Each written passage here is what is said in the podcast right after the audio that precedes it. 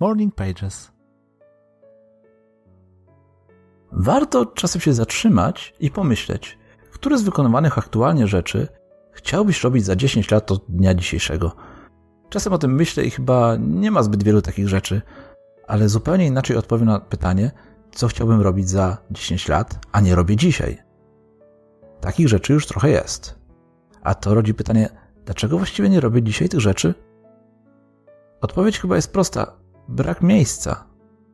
Jak niby mam znaleźć miejsce na coś nowego, skoro wypełniłem już swoje życie po brzegi?